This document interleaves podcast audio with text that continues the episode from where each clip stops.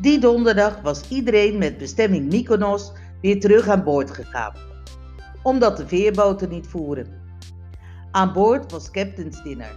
De eerste gang was moussaka, de tweede soep en verder was het een avond geworden zoals alle anderen. Vrijdags was ook iedereen aan boord gebleven, want het schip zou gaan varen. Dat deed het ook. De kapitein probeerde uit de baai van Naousa weg te varen. Deze reis was nog veel erger dan die wij meemaakten. Mensen vielen echt uit de bedden. S'morgens om 8 uur was de reis begonnen. Maar iedereen moest in zijn hut blijven. Na twee uur van terror was de reis afgelopen en lag de boot weer op dezelfde plek. De Duitse was dood en doodziek geweest. Inmiddels waren er wat mensen vertrokken en waren er 36 nieuwe passagiers aan boord gekomen. De Duitse had nog tegen haar vriendin gezegd: Ben doch die Holländerine, dat ook mal mitgelebt hadden.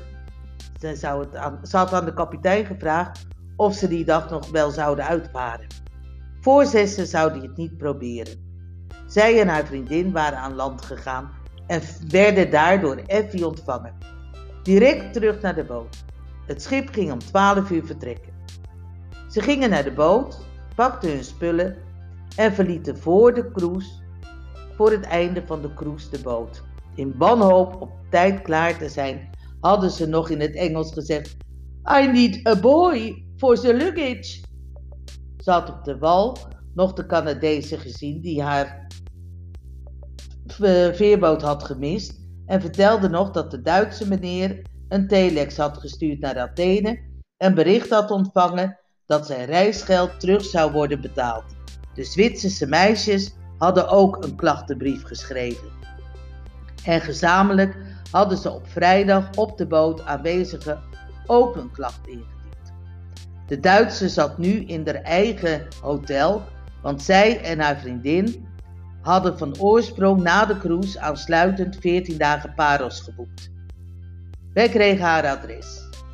S'avonds aten wij weer de bekende visjes, oezo, flesje wijn en gingen bergopwaarts richting Neerhuis slapen bij Inga.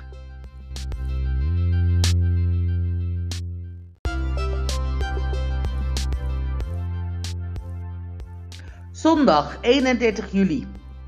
Vandaag tickets kopen voor de boot terug naar Piraeus. Inga is behulpzaam.